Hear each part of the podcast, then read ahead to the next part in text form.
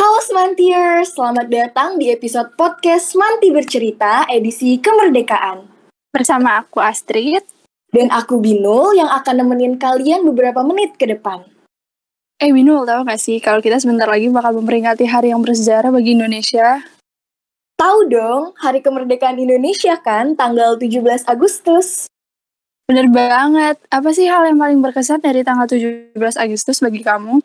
Hal yang paling berkesan buat aku di tanggal 17 Agustus tuh acara lomba-lomba gitu loh sama vibes 17-an. Seru banget gak sih? Kayak ada lomba-lomba tarik tambang, terus balap karung, makan kerupuk, dan masih banyak lagi. Setuju sih, emang yang paling seru di tanggal 17 Agustus tuh lomba-lombanya.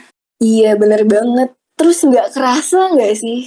Kita udah hampir genap 2 tahun di rumah aja karena pandemi. Ngerayain kemerdekaan cuma lewat TV, lomba-lomba juga semua jadi serba online. Nah, ngomongin kemerdekaan dan pandemi, aku jadi mikir deh, kalau sebenarnya kemerdekaan itu nggak cuma tentang upacara, lomba balap karung, makan kerupuk, tapi kemerdekaan itu juga punya arti kebebasan. Nah, kebebasan di sini lingkupnya luas banget. Yang pertama itu buat berekspresi, bereksplorasi, dan menggali potensi diri. Nah, dengan bereksplorasi, kita ini bisa nemuin potensi diri kita, dan itu berarti kita juga bisa membebaskan diri kita dari ketidaktahuan dan rasa malas. Setuju banget aku. Eh, aku mau tanya deh, apa aja sih yang kamu lakuin sama masa pandemi ini buat menggali potensi diri?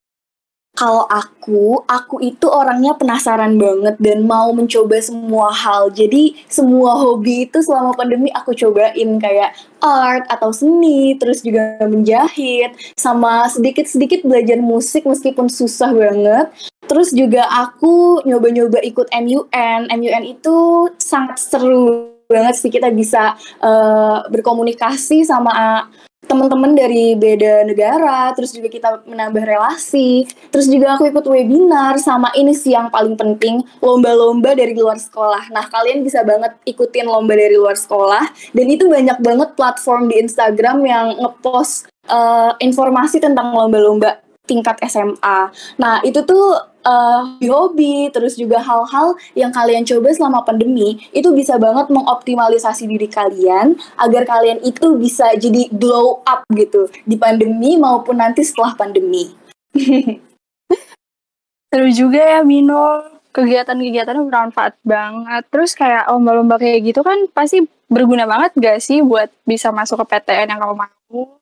Betul, betul, betul. Itu bisa mempercantik CV kalian sama sertifikat-sertifikat tuh bakal berguna banget nanti buat SNM, terus juga nyari kerja gitu sih. Terus kalau Astrid gimana nih selama pandemi ngapain aja? Oh aku akhir-akhir ini lagi belajar main gitar sih, karena dari awal tuh aku udah bisa, cuma kayak sedikit-sedikit aja. Cuma ya akhir-akhir ini lagi digali-gali aja. Terus sama seni juga, suka ngelukis-ngelukis, suka gambar ya gitu-gitu aja sih yang udah sering aku lakuin dari awal tapi aku gali aja lebih dalam. Keren keren keren. Di pandemi kayak gini tuh kayak kita dikasih waktu yang lebih banyak gak sih buat uh, membuat potensi kita sama hobi-hobi kita tuh bisa jadi lebih jago gitu lebih optimal gitu. Bener banget Mino. Eh ya Mino kayaknya Svantier masih bingung nih mau ngapain aja sama di rumah buat menggali potensi dirinya boleh nggak sih kasih tips dan ide yang kamu lakuin untuk Smantiers? Oke, boleh banget nih kita bagi-bagi tips ke Smantiers, mulai dari yang paling penting dulu ya. Kalian itu harus kenal dulu sama diri kalian sendiri. Kalian cari tahu apa yang kalian suka, kelebihan dan kekurangan diri kalian. Terus jangan pernah takut buat mencoba. Kayak cobain aja gitu semua yang ada di depan mata kalian selagi itu memberikan manfaat dan berdampak baik buat diri kalian. Ih, aku setuju banget sih sama Bino. Terus aku mau nambahin nih, jangan lupa untuk membangun rutinitas secara konsisten dan terus tingkatkan kemampuan diri.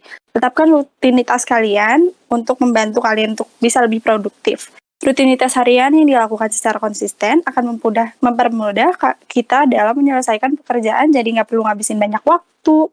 Nah, bener tuh kata Astrid. Kalian bisa coba-coba buat recook menu-menu yang lagi yang lagi viral atau mungkin bikin-bikin karya yang lagi hits di internet.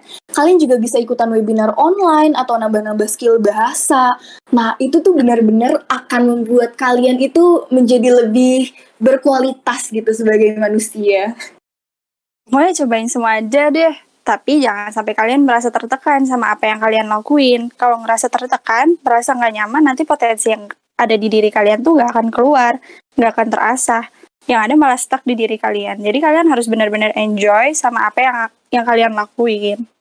Nah, bener banget tuh. Semantiers nggak kerasa ya, udah beberapa menit nih kita nemenin kalian di Semanti Bercerita edisi kemerdekaan ini. Mungkin ini waktunya buat aku dan Astrid untuk pamer undur diri. Aduh, sayang banget sih. Semoga apa yang kita ceritain hari ini, tips-tips dari kita bisa bermanfaat untuk kalian semua.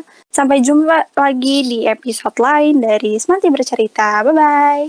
Dadah!